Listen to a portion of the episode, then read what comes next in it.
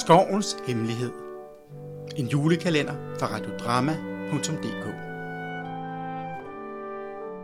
Afsnit 17 Borgens Hemmeligheder Frida stod ved porten til den gamle borg. Den var gammel og slidt, men stadig stod den stolt og vogtede over de mange hemmeligheder, der lå indenfor.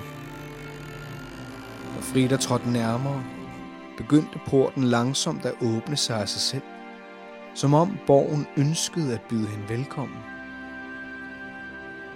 Hun bevægede sig varsomt ind i den mørke indre gård, og døren lukkede sig knirkende bag hende. Borgens indre var som en labyrint af hemmelige gange.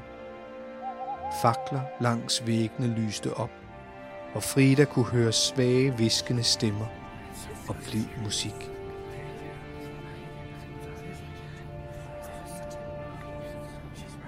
Efter at have udforsket borgen i nogen tid, fandt Frida en støvet bog, der lå på en stenbænk. Frida pustede støvet af. Bogen var udsmykket med forgyldte bogstaver og fine tegninger, og den sider var fyldt med gamle sange og historier.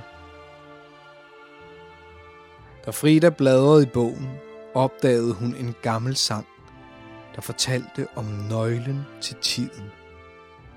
Den beskrev, hvordan nøglen ville lede den heldige sjæl til skovens dybeste hemmeligheder. Frida satte sig på stenbænken og tænkte, hvordan kunne hun finde nøglen til tiden?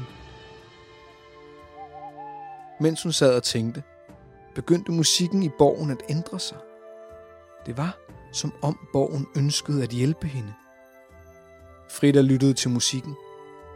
Hun begyndte langsomt at danse og lade klokkespillet føre hende videre. Hun bevægede sig i takt med klokkerne, og pludselig følte hun, at hun svævede. Foran hende var nøglen til tiden. Den svævede som en sommerfugl i luften og lyste op i den mørke borg.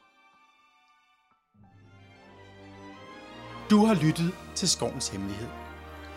En julekalender fra radiodrama.dk Skuespiller Christoffer Helmut Historien er udviklet digitalt via en chatrobot. Herefter har dramatiker Morten Ågård redigeret og sammensat den endelige fortælling. Optagelse Kia Lundsgaard. Se mere på vores hjemmeside radiodrama.dk